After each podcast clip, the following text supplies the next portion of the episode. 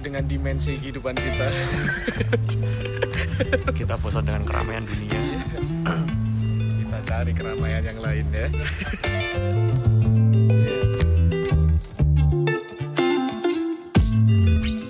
Diterangin lagi mas, mungkin Sedikit lebih beda, Ah. lebih baik daripada sedikit, sedikit lebih baik.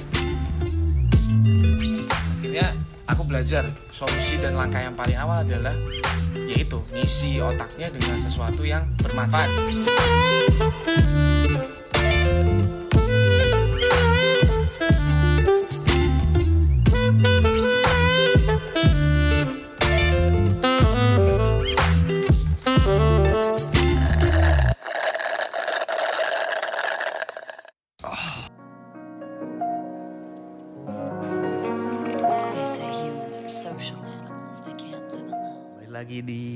Agen Podcast direkam di rumahnya masing-masing. 90 oh nggak pakai nggak pakai 90 berarti dong mas nggak pakai ya ya kan kita ngerekam di rumah masing-masing Gokil nih pandemik bikin Iya, kita betul. sadar melek teknologi. dan juga eh, itulah istilahnya bikin para developer-developer teknologi kayak yang bikin Zoom, yang bikin eh, online meeting yang lainnya itu jadi istilahnya terbuka lebar matanya karena eh, dev- apa istilahnya programnya dia kepake gitu. Ya selain membukakan mata dengan teknologi, ya ini sebagai cuan buat mereka juga kan. Iya betul, betul banget. Pandemik ini uh, aku belajar itu banget sih mas. Ternyata suatu virus yang yang bisa bisa sampai pandemik itu uh, skalanya tuh cukup besar gitu. Mhm. Aku mau kasih kasih informasi ya yang buat corona ini. Ternyata yang dari patient zero-nya, patient zero corona yang di Wuhan itu cuma sampai dua bulan Mhm. itu bisa sampai 20 ribu kasus dalam dua bulan mungkin lebih ya kalau nggak salah 20 ribu kasus lebih gitu dan spreading sampai bisa belahan bumi yang lainnya hitungannya ya berarti ya Belahan yang mana bos? Cina. Cina sama Itali Cina sama Itali kan beda beda berdua kan Beda benua. Ya, itu karena itu bisa disebut sebagai pandemik ini corona. Padahal itu loh, historinya masih banyak uh, virus-virus yang lain yang lebih gede ya. Tapi kenapa kok corona tuh bikin geger banget ya, Mas? Ya karena dia penularannya lebih gampang. Dari dari apa dari apa namanya yang dari air liur itu kan? air, air, air mani, air mani bukan. Bukan kalau air mani kan eh, gejalanya HIV. gejalanya bukan gejalanya bukan batu, bukan pilek, bukan demam, Apa? muntah-muntah, perutnya mual. itu jadi sensitif. Itu ya, Terus kadang tumor cowok- perut. Iya, Tumor kadang, perut 9 bulan. kadang cowoknya juga nanyain tuh. Iya, gimana nanyanya? Emang kemarin aku telat nyambut ya? Waduh. Terus eh, kata-kata penyembuhnya gini mas, kata-kata penyembuh virusnya. Eh, Ya, yang hari ini aku udah mens. Iya, Oh iya lega. lega loh. Iya pandemik pandemik nih eh, serba-serbi pandemik yang di Indonesia ini cukup mengagetkan karena eh, pada kali ini pandemik yang corona ini membawa banyak eh, dampak yang cukup signifikan ya mas ya. Iya. dari banget. dari anak-anak SMA yang lulus tanpa UN jadi Iya. istilahnya terselamatkan oleh virus terus ada liburan jadi juga tiga bulan, empat bulan.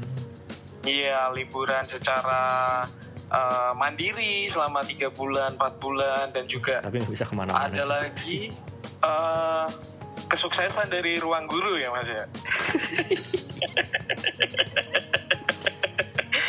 iya loh sampai Indosat itu bantu 30 giga Hmm. buat uh, pengguna Indosat supaya bisa akses online istilahnya online study gitu 30 giga buat online study. Iya betul, 30 giga buat online study dan Sisanya buat mengejutkannya Enggak, lebih mengejutkannya lagi langsung muncul tutorial di YouTube cara mengkonvert kuota edukasi jadi kuota biasa kuota Gokil, reguler gokil. eh gokil Orang. Indonesia emang oportunis banget ya. betul Kalau nyari nyari cuan emang dia pinter banget nguliknya tuh. Oh iya, betul. Terus ada lagi fenomena yang cukup membuat Indonesia Indonesia khususnya sih Mas, membuat jadi bertekuk lutut itu work from home Mas. Wah, WFH. Iya, work from home. Mas Arif ini kan juga WFH nih ya, enggak ya? Mulai ya, nggak bisa juga sih kan aku juga nggak bisa bikin roti di rumah terus dibawa ke Oh iya, iya juga. betul sih. Hmm. Memang WFH itu Tapi- memang hal baru. Seharusnya bukan hal baru sih untuk beberapa orang karena ada eh, beberapa entrepreneur juga udah menerapkan WFH jauh-jauh hari sebelum corona datang. Iya sih. Ada juga yang kaget mungkin karena mereka terbiasa rutinitas bangun pagi. Maksudnya tuh istilahnya kerja ya yang rutini, rutinitas gitu bangun pagi berangkat kantor atau berangkat tempat di mana mereka bekerja Hmm, pakai baju melakukan rapi sesuatu gitu kan. iya pakai baju rapi seragam dan sekarang malah ya di depan laptop di depan komputer gitu Dan musuh utamanya itu produktivitas. Oh Kan biasanya kan kalau di kantor ada yang ngawasin ya mungkin ya. Kan di rumah kan sebenarnya Iya. nggak ada yang ngawasin. Ya kalau, oh kalau iya lo iya mau kerja ya kerja. integritas gitu lah ya integritas ya Iya, dalam dan- melakukan sesuatu Dan musuh utamanya itu eh, procrastinate, tunda-tunda kerjaan. yo iya iya iya iya selayaknya jadi kayak eh, gimana ya PR numpuk gitu lah ya Mm-mm. mereka nganggapnya WFH itu PR numpuk padahal sebenarnya itu cuman Iya iya. Padahal cuman kerja yang di rumah gitu ya mereka anggapnya WFH itu ya libur padahal cuman kerja cuman dibawa ke rumah aja gitu.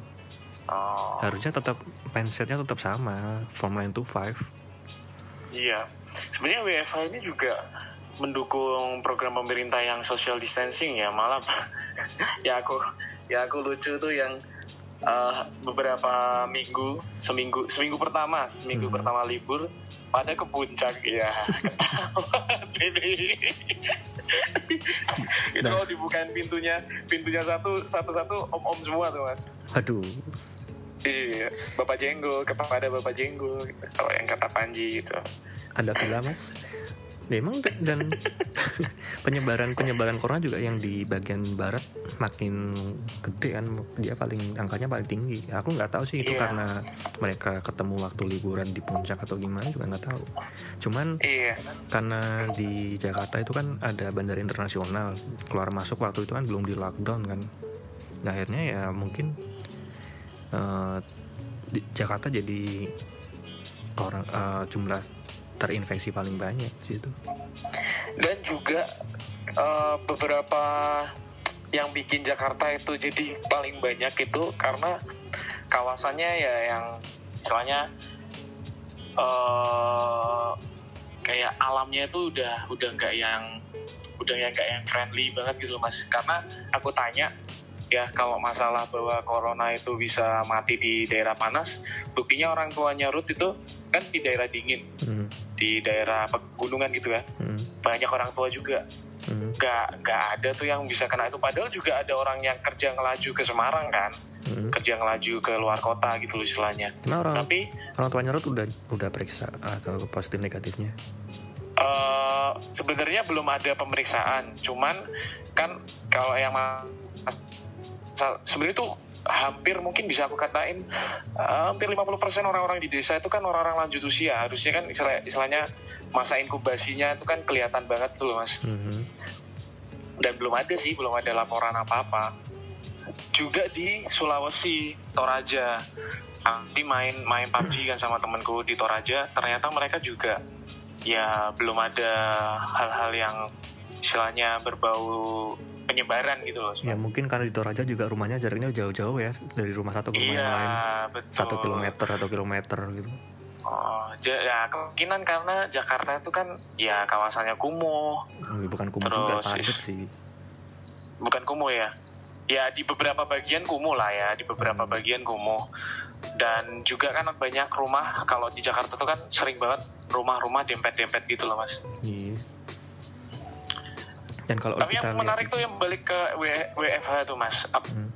Indonesia tuh sebenarnya siap WFH nggak sih mas jadi sebelum corona ini datang ya Iya. kan aku nggak tahu sih ini serba kebetulan banget karena sebelum corona datang ini eh, seorang entrepreneur udah bahas soal WFH dan kemudian ada wacana kalau gimana kalau PNS itu diterapin WFH aku langsung skeptis waktu itu PNS WFH sedangkan PNS sekarang lagi didominasi sama boomer Hmm. boomer kalau dikasih WFH aku agak pesimis sih akan berjalan dengan normal karena yang Hmm. sedangkan yang milenial pun juga kalau dikasih WFH mereka musuh mereka terbesar mereka adalah ya procrastinate itu seri- eh, sikap menunda-nunda Hmm. karena kerja di rumah itu distraksinya lebih banyak kita bisa Iya.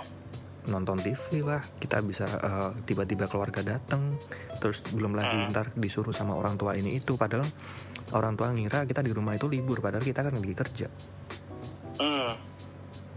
nah itu sih Oh, memang memang tapi ini juga PNS akhirnya WFH kan? iya akhirnya WFH juga Iya. Dan juga ya mungkin kita nggak bisa skeptis ya juga Pa- pasti juga ada PNS-PNS yang masih bertanggung jawab gitu. ya adalah eh, Tapi di beberapa bidang mungkin. mungkin tips-tips eh, buat yang WFH coba kalau Iya, iya. kita memposisikan kita lagi kerja aja sih Hmm. bangun pagi, mandi, sarapan, terus ganti baju kerja.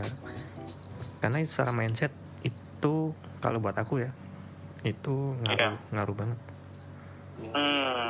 Mengkondisikan. Istilahnya eh, jangan nganggap bahwa ya istilahnya kayak nganggap kerja gitu kan Ya, ya. cuma di kayak rumah. kerja sehari-hari. ya cuma ntar, di rumah. ntar kalau jam istirahat jam 12 waktunya makan siang ya makan siang nggak usah kerja gitu. Hmm. Istirahat sejam ke mana gitu. Iya. Karena tak taunya kalau kita WFH terus kita nggak ngapa-ngapain kan tiba-tiba kan ada jam-jam bos itu ngubungin kita buat ngecek kita di rumah ngapain aja. Kalau kalau Hmm. dihubungin sama si bos terus tato diangkat. Sorry bos tadi lagi nonton di bioskop mampus lu. Ah, terus itu. Ternyata bosnya ngomong, "Oh, duduk sebelah mana? Tadi lagi di situ juga. ya kan bos terserah. Iya iya iya betul betul. Tipsnya yang pertama memang ya eh, suasanakan hati pikiran dan juga eh, kebiasaan sebagai ya kayak sehari-hari biasa kan. Iya betul dan itu juga mencegah juga kaum kaum rebahan untuk terus tidur dan gak berjemur di atas jam 10 Ya, kena juga nanti. Ya walaupun kita sekarang dianggap sebagai pahlawan, eh, dianggap sebagai pahlawan walaupun cuman rebahan ya. Cuman ya jangan cuma rebahan doang di rumah. kayak rebahan doang pusing mas. Eh, oke oke oke dan ada satu hal lagi yang mungkin jadi tambahan nih di di masa pandemik pandemik nih ya Hmm. pandemik itu aku lihat itu banyak orang yang eh, mungkin pedagang-pedagang yang merongrong mas karena kan sekarang ini eh, Iya sih. ada beberapa Iya, ketika iya, iya. kemarin aku lewat itu eh, warungnya memang ditutup Eh, tipe-tipe warungnya sih yang warung-warung perkumpulan gitu kayak angkringan Sepi banget bos. angkringan sepi banget nah cek mas cek mas Terlalu sekali. iya biasa selalu ya Selalu. selalu ada Selalu ada distraksinya ya distraksi yang datang. Udah masih mending nih Ruth, Ruth gak nelpon nelpon nih Mas Untung udah aku briefing nanti malam aku take recording uh, via phone sama Mas Ari. Oke lanjut kemarin uh, lihat ada beberapa yang dibubarin sama polisi Mas. Aku lihat di di Oh. Instagram juga sih. Ah, jadi dibubarin dan model-modelnya memang yang ang- angkringan-angkringan dan uh, istilahnya kayak tempat makan yang berkumpul lah istilahnya. Enggak cuma ya. angkringan bos. Ismen tuh pernah kena. Oh, Ismen ah, memang shadownya karena Eh, dulunya kan dia kita buka jam sampai jam 12 kan. Terus karena Hmm. gara-gara kena itu kena apa namanya penertiban kita akhirnya tutup Ah. jam 9 terus, kan terus? makin ke sini yang daerah Jalan Ahmad Yani dari jam 6 sampai jam 6 eh jam 6 sore sampai jam 6 pagi kan ditutup. Ditutup itu makin kita makin kena juga da- dampaknya karena Ah. pengunjung makin sepi juga kan dan akhirnya Ah, per Jumat akhirnya- besok akhirnya? kita shutdown untuk sementara. Dan Yehehe. rencananya planning kita buka lagi Mei sih tapi planning ke depannya Gils. masih ada. Mei mas. Juni cuy. Ini baru masuk April mas. Makanya ini baru masuk April. Dulu dulu waktu sekolah kalau habis kelas meet kita seneng ya pengen liburan iya macam-macam betul. Sekarang mau liburan duitnya dapat dari mana bos? Emang hanya ente saya juga. Tapi akhirnya tidak ada? ada tempat yang yang ingin online. saya. Tapi dari sini dapat pelajaran yang paling penting sih mas. Waktu itu aku juga apa sharing sama adikku Noya kan waktu itu nyetir dari eh, habis dari makan sama salah satu teman Ado di Yoshinoya habis itu pulang kita lewat situ dan mas ada penertiban itu dan aku juga eh, tadi sore tadi sore lah ya Hmm. uh, ngelihat TED, TEDx lama sih tiga tahun lalu Bill Gates yang soal influenza Hmm. pernah pernah nonton nggak Mas Arif? belum ya? belum belum tapi itu udah sering sering dibahas sih di Nah Bill Gates itu ya mungkin dia juga orang yang visioner ya. Hmm. Istilahnya udah memprediksi bahwa bakalan ada pandemik mungkin yang besar juga istilahnya dampaknya besar ya nggak cuma ngomong ngomong soal jumlahnya kayak Spanish flu itu yang jumlahnya bisa sampai uh, jutaan 30 juta Ya. tapi ada yang bers- uh, berdampak besar nah salah satu hal yang dia sorotin itu soal persiapan nah waktu itu aku lihat itu kenapa ya kok orang-orang rongrong ya? Salah satunya itu mereka nggak bersiap untuk hal-hal urgent kayak gini. Iya kan pak? Salah ya betul. Salah satunya adalah side job uh, terus tabungan. Di situ kan uh, hal-hal yang aku tadi sebutin ini kan berperan aktif ya kan tabungan side job dan sebagainya. Iya, iya. Aku dan juga dari situ justru Hmm. kalau kita udah siap persiapan dan Bill Gates juga nyampein bahwa ketika sudah dipersiapkan walaupun mungkin orang ngerasa kayak ya kayak nggak nggak penting banget di saat ini Hmm. justru itu yang berperan lebih efektif ketika masa seperti ini datang masa pandemi ini datang ya kadang emang kita belajar kalau udah kepepet aja sih iya itu salah satu pelajaran terpenting dan ya lumayan lah ya. Aku punya tabungan eh, lumayan dipakai lah ya. Iya aku juga Cuma eh, udah- bisa ngambil udah nggak mau tak ambil lagi. Aku bisa ambil kesimpulan sih. Ini, ini eh, Untung nggak dihabisin di Jogja, Mas. lupakan Untung Jogja nggak- lupakan. Sampai cancel ya. Padahal kita udah udah pasti itu rencana bikin konten di Jogja ya. tapi untungnya duit bisa refund sih. Iya, duit bisa. Oh, bisa refund, Mas. udah udah balik full kok Ya udah balik. cuman kasihan sama Iya, teman-teman ada- yang udah yang udah rencanain mau keluar negeri mau ke Korea tapi duitnya nggak bisa Oh refund full iya, betul betul. Iya sih. Walaupun tiket pesawat itu ya menggairahkan ya Wih, iya. ke Korea. Ke Korea berapa kemarin ya? Yang waktu kita itu ya. 180 ribu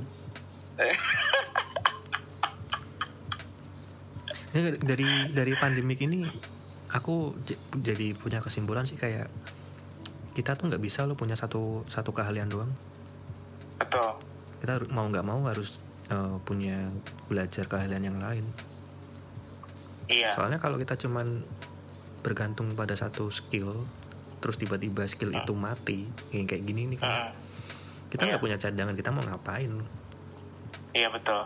apa yang mau dijual lagi maksudnya apa yang dari di- dari diri kita yang bisa dijual lagi setelah skill yang satu ini dilumpuhin gitu Iya.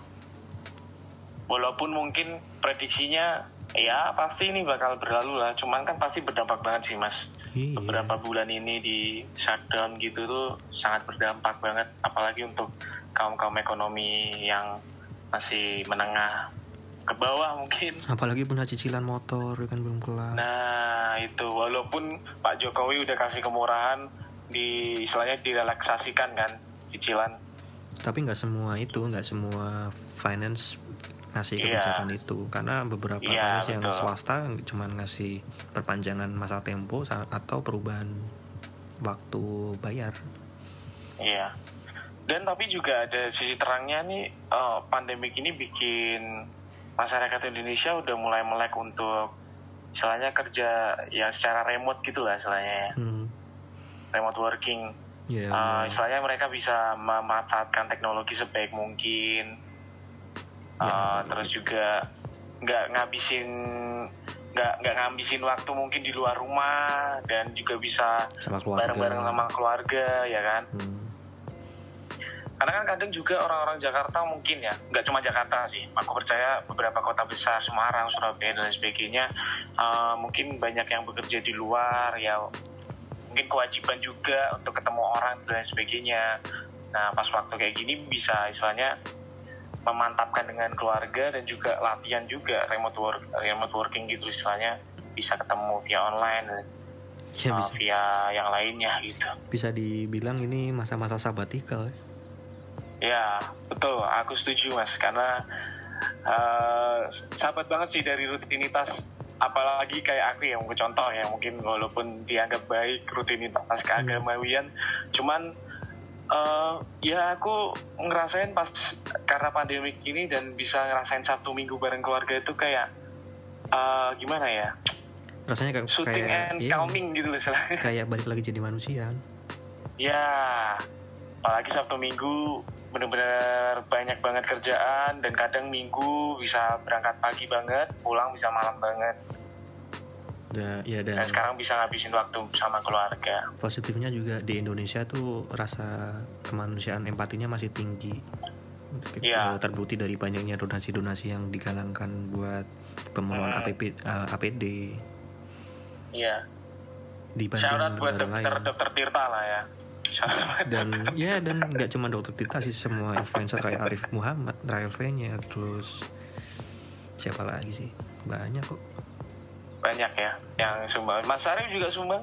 saya nyumbang sih Nyumbang apa mas? jadi dari- eh, jadi di Fosfoyor itu kan dia bikin kelas online Hmm. dan kelas online itu setiap eh, setiap booking kursi di situ jadi peserta eh, secara nggak secara nggak langsung kamu donasi ke APD buat APD Oh. jadi aku bayar 100 ribu itu Ah. dapat satu kelas online jadi dia punya beberapa pilihan aku pilih salah satu aku bayar 100 ribu dan dari dana itu di akan didonasikan ke orang-orang di bagian medis buat penyediaan APD Iya. Wow. jadi aku aku dapat aku dapat ilmu dari mereka dan sekaligus aku bisa kontribusi buat donasi juga Iya. Dan eh, selain itu ada juga hal baik yang lainnya adalah eh, ya kayak yang di gereja yang sekarang jadi online dan lain sebagainya dan itu sangat itu sih menguji betapa solidnya eh, umat-umat Tuhan gitu lah ya istilahnya Hmm. tetap mau beribadah online walaupun ibadah online itu benar-benar uh, ambience-nya beda ya sama ibadah beda yang live beda gitu. cuman kita balik Beda ke banget. esensi aja sih karena Iya. eh, soal gereja kan bukan cuman bangunan tapi kita sendirian Wah, ambil dari mana bos? oh kita sih kayaknya kita sering bahas deh beberapa waktu sebelum kita akhirnya nggak ada ibadah sama sekali Iya iya iya iya. yang saya sesalkan adalah di bulan Iya, April iya. ini kan modul saya yang nyusun ya kenapa tidak dipakai tuh kok aduh Nah, saya tanggal 28 kemarin harusnya sharing. Iya, nggak jadi. Ya nggak apa-apa lah. apa Tapi yang penting istilahnya justru karena ini bisa ibadah online dan mereka tetap mau ibadah online tuh udah appreciate banget lah. iya iya Karena kan minggu bisa jadi mager banget yang biasanya ke gereja secara fisik sekarang gerejanya di rumah. Jadi kayak dan ibadah-ibadah lainnya mungkin beberapa beberapa kepercayaan beberapa agama bisa memang bisa untuk ibadah di rumah gitu. Ya, dan Cuman jumatan kayak- pun juga sekarang di rumah. Uh, uh, uh, sekarang Dan kita bisa the ibadah di worst rumah. the worst case sholat id bakal di rumah masing-masing juga. Mm-mm. ya aku harap sih yang sesuai yang aku share di Instagram tadi yang soal peningkatan jumlah terinfeksi corona peak Mm. peaknya bisa cuman di 15 April besok Mm. atau the worst case peaknya ada di Juni pak itu parah sih iya makanya kalau kita udah sadar social distancing terus sekarang statusnya naik jadi physical distancing itu kalau Hmm. kita semua peduli atau kita semua Hmm. pat- patuh sama pemerintah diperkirakan peaknya penyebaran corona ini cuma sampai 15 April dan setelahnya akan menurun flat grafiknya. Iya iya. Dan itu melegakan banget kalau kita udah ketemu peaknya ya. Ya karena kita bisa kerja lagi normal pendapatan balik ke normal Mm-mm. dan dan juga virus corona kan virus yang istilahnya bikin nanti seorang yang udah terpapar dan sembuh akhirnya jadi imun kan Mm-mm. Tapi bi- Ah. ada kemungkinan bisa itu kan dia jadi carrier lagi sih sebenarnya. iya sih nah ya udah eh, intinya bahwa kita perlu juga mendukung pemerintah dengan ya berpartisipasi istilahnya Ya stay di rumah aja lah. walaupun Yang- iya yang bisa walaupun memang memang lumayan itu ya mas ya gatel ya bagi kita untuk situ sini hari-hari- libur loh. situ sini situ sini terdampak coronavirus Ya, tapi dari dari dari keterbatasan itu harusnya kreativitas tidak mati. kreativitas ya. iya yang mereka akan dengar nanti di opening kan iya ya Udah ya cukup. mungkin ada lagi pandemik mas Kayaknya pandemi bakal ada. ada. lagi per 10 tahun kayaknya kalau dilihat dari skemanya yang udah-udah. Eh, dan nah, it- hitungannya kita sekarang lagi latihan lah ya Mm-mm.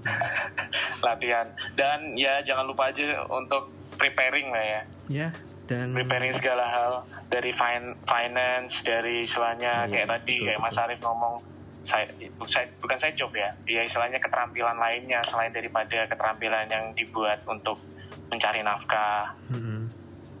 dan juga du- perlu kita dukung pemerintah karena pemerintah mungkin kurang tidur hari-hari ini kita perlu dukung apalagi eh, dokter-dokter yang mulai berjatuhan kan ya ada beberapa mulai memakan korban. juga.